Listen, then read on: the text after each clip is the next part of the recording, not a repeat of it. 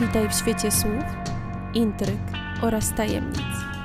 Słuchasz szuflady natchnionej, czyli podcastu w stylu opowieść w odcinkach.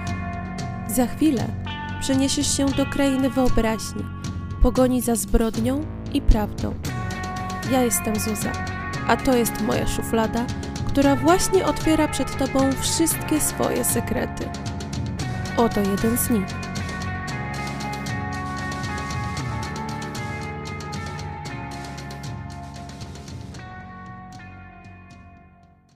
Śledząc mrok, odcinek pierwszy, niespodzianka.mp4.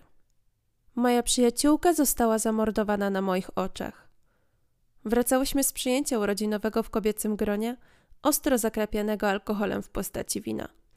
Opuszczając mieszkanie wspólnej znajomej, postanowiłyśmy wrócić do naszego skromnego studenckiego lokum pieszo, co by otrzeźwieć lekko zmącone sfermentowanym sokiem z winogron umysły.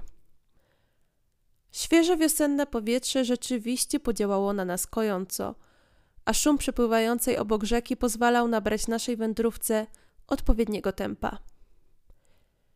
Myślisz, że coś z tego będzie? Zapytałam. Ale z czego? Z flirtu Magdy i Roberta. Przecież to na kilometr śmierci romansem albo chociaż przelotną namiętnością. Czytasz za dużo książek, Sylwia. Odpowiedziała Ewa, a zaraz po skończeniu zdania głośno czknęła. Może i miała rację, ale po alkoholu zazwyczaj wszystko wydawało mi się bardziej poetyckie, a jej czarno-białe. Znajdowałyśmy się mniej więcej 400 metrów od kamienicy, w której wtedy mieszkałyśmy, kiedy nagle z za jednego z drzew posadzonych w okolicy linii brzegu wyszedł mężczyzna. Na początku nie zwróciłyśmy na niego najmniejszej uwagi. Osobiście uważałam, że i on zwyczajnie sięgnął tamtego wieczoru po butelkę lub dwie. Nie mogłam się jednak bardziej mylić. Wino bowiem pozbawiło mnie ostrości wzroku, w panującym mroku nie ujrzałam więc, że facet miał na sobie kominiarkę. Poczekaj chwileczkę, muszę sobie poradzić z tą czkawką, zanim ruszymy dalej. Jesteśmy już tak blisko. W mieszkaniu możesz sobie zatykać nos i pić do góry nogami do woli, powiedziałam. Ewa po prostu stanęła na środku ścieżki, nie zważając na możliwe niebezpieczeństwo. Stanęłam z nią twarzą w twarz, żeby przemówić jej raz jeszcze do rozumu. Widać stąd naszą kamienicę. Miej litość. Padam z nóg. Patrzyłam prosto w jej roześmiane piwne oczy, które w ułamku sekundy wypełniły się strachem. Ewa zbladła, wyciągnęła przed siebie rękę, palcem wskazując na coś lub kogoś za moimi plecami. Cholernie bałam odwrócić się. Bardzo nie chciałam tego robić. Każdy mięsień w moim ciele zastygł, ale nie mogłam pozwolić sobie na pozbawienie się być może jedynej możliwości reakcji. Odwróciłam się do widoku wysokiego mężczyzny w szarej bluzie sportowej, z kapturem oraz czarną kominiarką na twarzy i z nożem myśliwskim wycelowanym prosto w mój brzuch. Portfel i telefon. Wrzasnął mi prosto w twarz. Widok około 15-centymetrowego ostrza przekonałby mnie wtedy do oddania wszystkiego, co posiadałam. I więcej. Z rękami wyrzuconymi w powietrze, nie wiem kiedy, cała drżąc ze strachu, zaczęłam delikatnie opuszczać prawą rękę, żeby sięgnąć do kieszeni kurtki, w której przechowywałam żądane przedmioty. Nie rób jej krzywdy. Usłyszałam z zapleców rozpaczliwą prośbę Ewy, której ewidentnie lały się łzy po policzkach. Bandyta chwycił mnie wolną ręką za gardło i stosując niemałą siłę, obrócił mnie w stronę przyjaciółki, a nóż zmienił swoje położenie na środek mojej szyi. Zaczęłam głęboko oddychać, próbując zatrzymać atak paniki, który wisiał w powietrzu. Mówiłam sama do siebie. Myśl, co zrobić, żeby przeżyć. Rzuć w moją stronę swoją torebkę. Zwrócił się do Ewy albo koleżanka nie dożyje jutra. Ewa zesztywniała, zbyt wystraszona, żeby cokolwiek zrobić. Słyszysz, co mówię? Dawaj torebkę. Rób, co mówi, powiedziałam. Nóż wbijał mi się w skórę. Chciałam tylko, żeby to wszystko się skończyło, żeby zabrał nasze wątpliwej zawartości portfele i uciekł daleko stąd. Ewa niestety nadal nie potrafiła znaleźć w sobie odwagi, żeby zrobić to, czego chcieliśmy oboje. Mężczyzna w kominiarce i ja. Musiałam działać. Zamknęłam oczy i z całej siły wbiłam obcas w jego prawą stopę. Bandyta zawył z bólu i naturalnie pochylił się do przodu, co pozwoliło mi się wysunąć z jego objęć, jednocześnie tylko zahaczając o ostrze noża szyją. Upadłam na trawę, poczułam metaliczny smak krwi w ustach, a kiedy obróciłam się w stronę przyjaciółki, zobaczyłam, jak złodziej wbija nóż w jej granatową sukienkę. Zaczęłam krzyczeć, podczas gdy Ewa opadała na ziemię. Próbowałam się przeczołgać w jej stronę, jednak przed oczami zobaczyłam tylko parę brązowych, sportowych butów. To ostatnie, co pamiętam z tamtej nocy. Buty. Obudziłam się następnego dnia w szpitalu, gdzie zamiast bliskich ujrzałam dwóch policjantów pochylonych nad moim łóżkiem. Budzi się, powiedziała kobieta w mundurze. Pielęgniarka lub lekarka weszła do pomieszczenia. Nie byłam pewna. Wizja nadal była zamazana. Znajduje się pani w szpitalu, zaczęła, sprawdzając jednocześnie podłączoną mikroplówkę. Znaleziono panią nieprzytomną przy rzece. Odniosła pani małą ranę na szyi oraz uraz głowy. Proszę leżeć spokojnie. Niedługo przyjdzie do pani lekarz i. Możemy zadać kilka pytań? Wszedł słowo pielęgniarce policjant. Nie widzi pan, że rozmawiam z pacjentką? Jak skończę, przyjdzie i na pana kolej, ale tylko jeżeli pacjentka będzie na siłach, żeby odpowiadać. Jasne? Miejsce policjanta w tym szpitalu zostało szybko ustalone. Jak mówiłam, przyjdzie lekarz i poinformuje panią szczegółowo, jaki jest nasz plan działania. Spojrzała na mnie z troską. Nic poważnego pani nie grozi. Czy mamy kogoś powiadomić? Moich rodziców. Proszę zapisać tutaj numer telefonu. Wyciągnęła z fartucha mały zeszyt i długopis i zaraz się z nimi skontaktujemy. Zapisałam kilka cyfr na kawałku kartki, które ku mojemu zdziwieniu bez problemu udało mi się przywołać z pamięci. Pielęgniarka ostatni raz zmierzyła policjanta chłodnym spojrzeniem i wyszła. Policjanci przesłuchali mnie.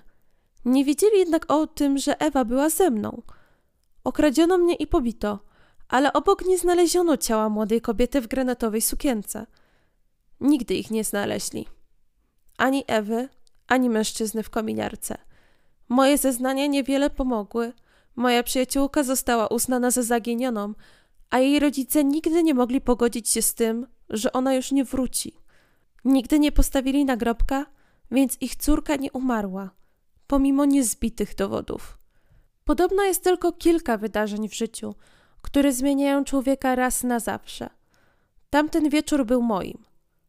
Wstrząsające przeżycie, które według jasno przyjętych przez społeczeństwo zasad mogło skończyć się dla mnie albo traumą motywującą mnie do naprawienia świata, lub spędzeniem reszty życia w cieniu.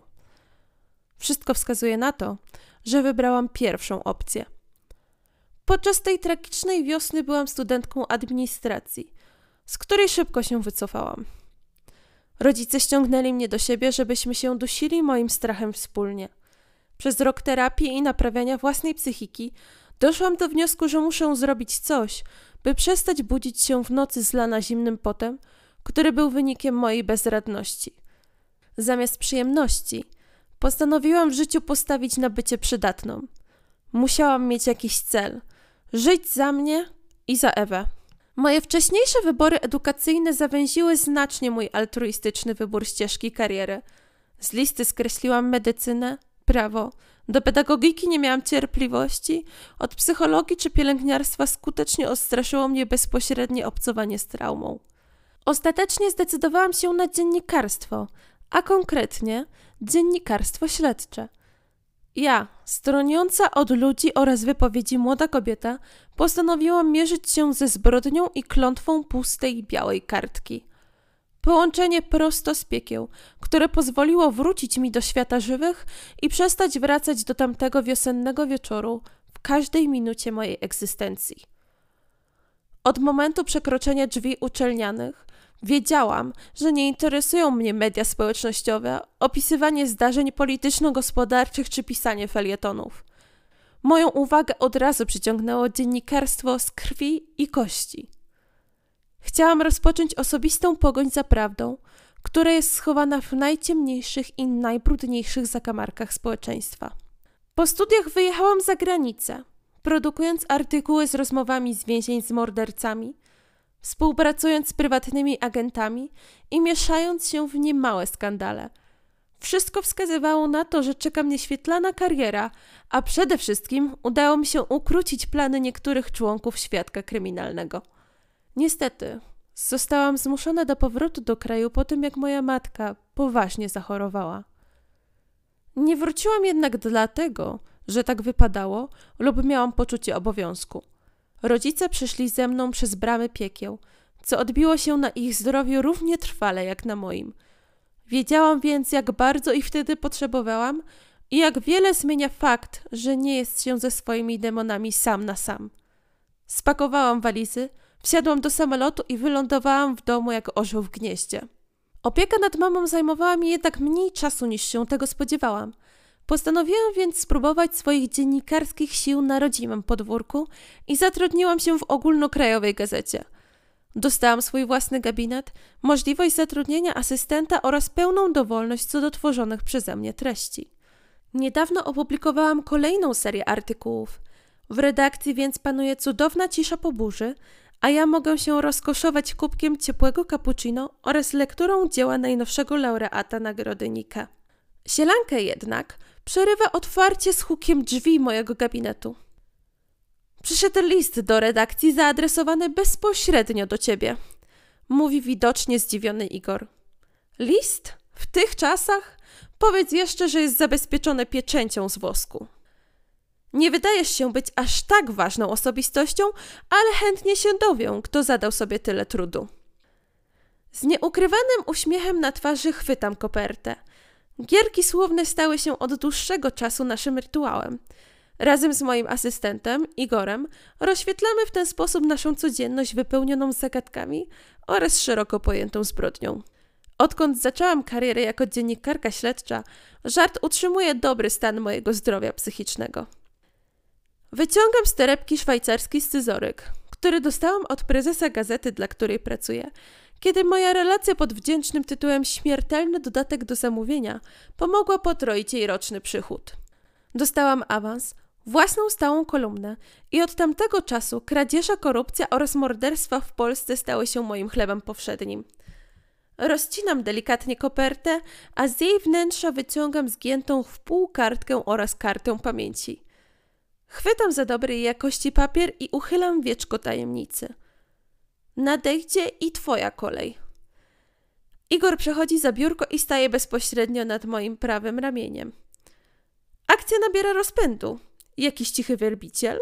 Albo może znowu redaktorka tego pseudoprofesjonalnego portalu chce się czymś pochwalić? Nie sądzę. Masz laptop ze sobą? Ja w swoim nie mam takiego wejścia. Pewnie. Nigdzie się bez niego nie ruszam. Swoją drogą mogłabyś już się pozbyć tego starocia, który służy podobno jako twój komputer osobisty. Ja nie potrafię żyć bez notesu, a Igor nie znosi technologii, która ma więcej niż 12 miesięcy. Wyciągaj go. Muszę sprawdzić, co znajduje się na tej karcie, mówię zniecierpliwiona. Dobra, dobra, szefowo. Już się robi. Igor przychodzi do pokoju obok, gdzie znajduje się jego biurko i kilkanaście sekund później wraca, trzymając w dłoni wyjątkowo cienkie urządzenie elektroniczne. Ja to bym się bała, że połamie takiego laptopa. Podnoszę się z fotela i wpuszczam go na swoje miejsce. Karta? Mówi wyciągając rękę w powietrze. Podaję mu niewielką kartę pamięci. Patrzę, jak ją podłącza i czekam niecierpliwie na efekty. Na ekranie jednak zamiast zawartości karty wyskakuje okienko proszące o podanie hasła. Nie znam żadnego hasła. Zobacz, czy w kopercie nic nie jest napisane od środka. Coś musieliśmy przeoczyć. Podnoszę kopertę oraz kartkę ze stołu, ilustruję ją wzrokiem, jakbym posiadała rentgen w gałkach ocznych. Nie odnajduję jednak nic poza czterema słowami zapisanymi na środku idealnie białej kartki. A spróbuj wyciągnąć i włożyć kartę jeszcze raz. To zazwyczaj działa. Mówię. Nie wiem, czy metoda wyłącz, włącz podziała na hasło, ale niech ci będzie. Technologia ewidentnie nie chce z nami współpracować, bo okienko i komunikat obwieszczający, że musimy podać jakieś tajemnicze hasło, nie wyparowały. Nadejdzie i twoja kolej, mówi Igor, krążąc teraz po moim gabinecie nerwowym tempem. Może to taka łamigłówka, może warto spróbować wpisać twoje imię. Spróbuj, co nam szkodzi? Odpowiadam. Mój asystent wystokuje imię Sylwia na klawiaturze, pochylając się ponownie nad laptopem, jednak kolejny raz nic się nie pojawia. Próbuję dostać się do środka wpisując frazę Sylwia Mazurek, ale karta pamięci nadal nie zezwala na zapoznanie się ze swoją treścią. Poddaję się. Geniuszami informatyki to my nie jesteśmy. Chcesz odwiedzić Pawła w piwnicy? Pewnie, ale jak Paweł nie rozwiąże tej zagadki, to chyba nie ma nadziei na jej rozwiązanie. Szwajcarski scyzoryk ląduje z powrotem w mojej torebce, zgarniam kurtkę i zamykam pośpiesznie gabinet. Wspólnie z Igorem schodzimy trzy piętra w dół, prosto do piwnicy budynku gazety. Tam przedzieramy się przez lniany ze splecionych ze sobą kabli, starając się nie zaburzyć specyficznego ekosystemu, który panuje w dziale IT. Mijamy biurka kilku nieznanych mi informatyków, a oni nie zwracają na nas najmniejszej uwagi i zmierzamy do paszczy lwa. Na końcu korytarza wyłaniają się drzwi z napisem kierownik. Tylko kierownik. Dobrze, że nie prezes. Z doświadczenia wiem, że nie warto pukać, ponieważ Paweł większość swojego dnia pracy spędza w słuchawkach najnowszej generacji. Wchodzę bez pukania, a Igor za mną, wyciszony, nieprzyzwyczajony do klimatu piwnicy. Cześć Sylwia, co cię sprowadza do podziemia? Pyta Paweł. Na pewno cię zaciekawię. Dostałam anonimowy list, do którego została dołączona karta pamięci. A kto dzisiaj jeszcze listy pisze? Wtrąca się. To samo powiedziałam. W każdym razie próbowaliśmy odczytać kartę pamięci na laptopie, ale każe podać hasło, którego, jak łatwo się domyślić, nie posiadamy. Pomożesz? Pokażcie tę kartę. Podaje nośnik pamięci Pawłowi, który poprawia okulary na nosie, kuli się w swoim fotelu i bacznie bada mini urządzenie owinięte w plastik. Wygląda zupełnie normalnie. Powinienem złamać hasło w ułamku sekundy. Dajcie mi chwilkę. Rozpoczyna się agresywne klikanie. Stukot klawiatury zapanował pomieszczeniem, a kable zaczęły fruwać w powietrzu. Nie był to ułamek sekundy, ale muszę przyznać, że widocznie nie był to też zbyt wyszukany system zabezpieczający, gdyż Pawłowi nie sprawił większych kłopotów. Proszę bardzo, odblokowane. A teraz zabierz swojego przydopasa i sio, mam masę roboty. Igorem ewidentnie wstrząsnął fakt nazwania go przydopasem, ale jego samopoczuciem zajmę się później. Nie chcesz wiedzieć, co jest zapisane na karcie? Pytam zszokowana. Skoro właśnie schakowałem nośnik pamięci bez niczyjej zgody, nie znając źródła jego pochodzenia, to nie. Nie jestem zainteresowany. Masz moją zgodę, Paweł. Zamknijcie za sobą drzwi. Odpowiada z uśmiechem informatyk.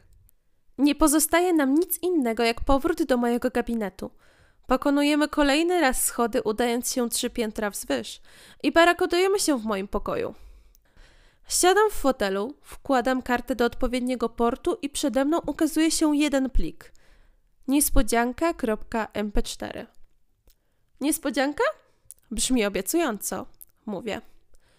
Wybieram opcję odtwórz i rozszerzam ekran do granic możliwości. Igor chwyta za krzesło ustawione po drugiej stronie biurka i siada obok. Upewni się, że jest odpowiednia głośność. Najeżdżam myszką na ikonę głośnika, ale zamiast poprawiać jakość dźwięku, zamieram z palcem uniesionym lekko nad lewym przyciskiem myszy. Na ekranie ukazuje się obraz z kamery przemysłowej. Lekko zamazany, czarno-biały, jednak pomimo słabej jakości nagrania jestem w stanie rozpoznać, że ukazuje młodego chłopaka przywiązanego do krzesła w jakimś starym magazynie. Chłopak, około dwudziestoletni, ma ciemne włosy i zakrwawioną twarz. Ma na sobie koszulkę z krótkim rękawem, buty sportowe oraz długie spodnie. Nagranie jest zaopatrzone w ścieżkę dźwiękową. Słyszymy więc, że płacze i ma mrocze niezrozumiałe słowa pod nosem. Ktoś stoi za kamerą, bo chłopak patrzy ponad kadr, lekko na prawo. Nie rób mi krzywdy, szepce.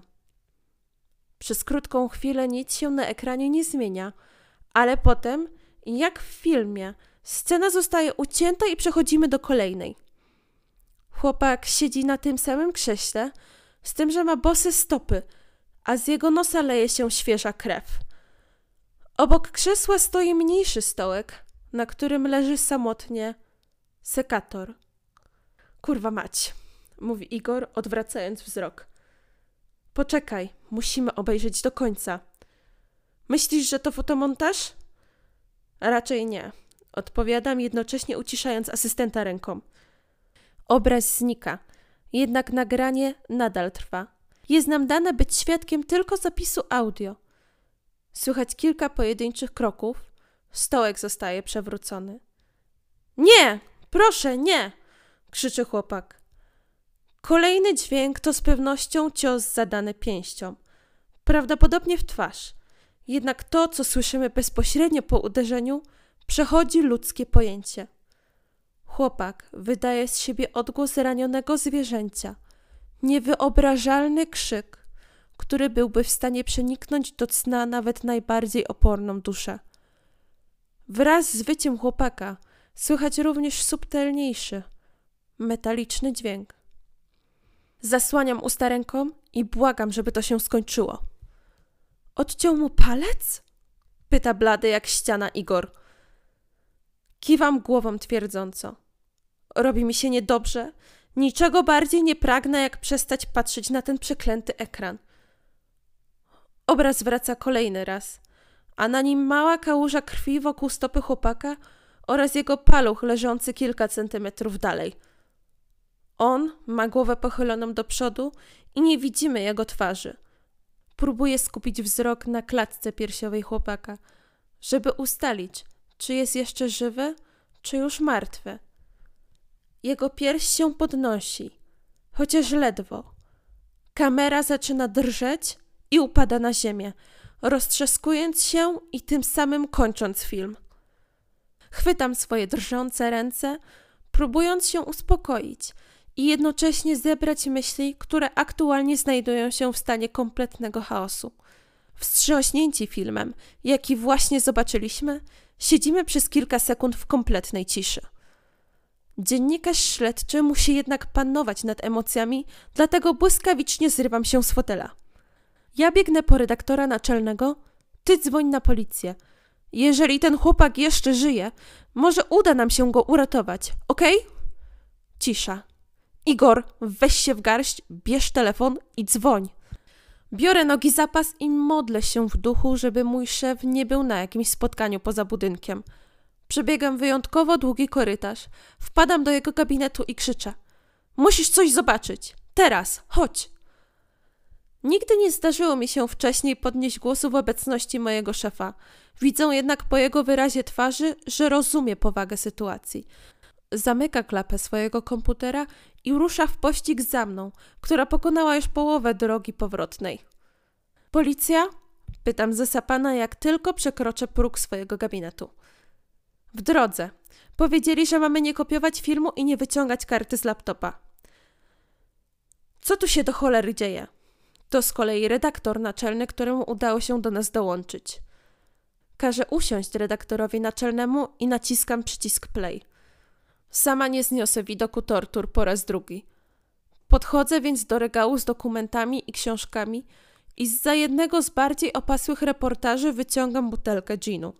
W pokoju mam tylko dwie szklanki. Nalewam więc redaktorowi i Igorowi solidną porcję, a sama pociągam z butelki. Kiedy przychodzi moment, gdy ekran jest czarny i słychać tylko dźwięk, biorę drugiego łyka alkoholu i zamykam powieki. Redaktorowi otwierają się oczy, jakby mu za chwilę miało wyskoczyć z orbit. Przenosi wzrok z monitora komputera na mnie i próbuje coś powiedzieć, ale nie jest w stanie. Podczas drugiej próby przemówienia udaje mu się wydobyć słowa z gardła. Skąd to masz? Przyszło tutaj pocztą. Koperta była zaadresowana bezpośrednio do mnie. Mówię cicho. Facet jakby dopiero teraz zauważył, że istnieje świat wokół niego. Wyciąga z mojego kubka z przyborami długopis i przy jego pomocy ogląda kopertę oraz kartkę, która została z niej wyjęta. Co ta wiadomość może znaczyć? To już nasza robota, odzywa się policjant, który materializuje się w drzwiach. Jak dobrze, że już pan jest, inspektorze, odzywa się Igor z kąta pokoju. Funkcjonariusz policji przechodzi próg gabinetu, a za nim trzech kolejnych niższych rangą mundurowych. Jeden z nich siada przy komputerze, drugi zabezpiecza kopertę oraz kartkę z enigmatyczną wiadomością, a trzeci chwyta za aparat i fotografuje moje biurko z każdego możliwego kąta. Jak to zrobiłeś, że przyjechał bezpośrednio inspektor? Pytam asystenta. Mój znajomy pracuje w policji. Zadbał, żeby mnie przełączyli do kogo trzeba. Inspektor rozgląda się po pomieszczeniu. Wygląda za okna. Ewidentnie czeka na znak od któregoś ze swoich podwładnych. Policjant siedzący przy laptopie kiwa głową i rozpoczyna się horror trzeciego odtworzenia filmu w przeciągu zaledwie kilkudziesięciu minut. Kiedy film kolejny raz się kończy, wszyscy obecni wyglądają, jakby zajrzeli śmierci prosto w oczy. Wyślij to natychmiast do chłopaków. Niech spróbują zidentyfikować ofiarę. Odzywa się inspektor. Najlepiej niech zaczną od bazy osób zaginionych. I powiedz im, że to jest teraz priorytet. Policyjny fotograf chwyta za smartfona i dzwoni przekazać najnowsze dyspozycje. A pozostałych zapraszam do radiowosu. Resztę wyjaśnimy na komisariacie. Kolejny fragment historii Sylwii pojawi się już w następnym odcinku.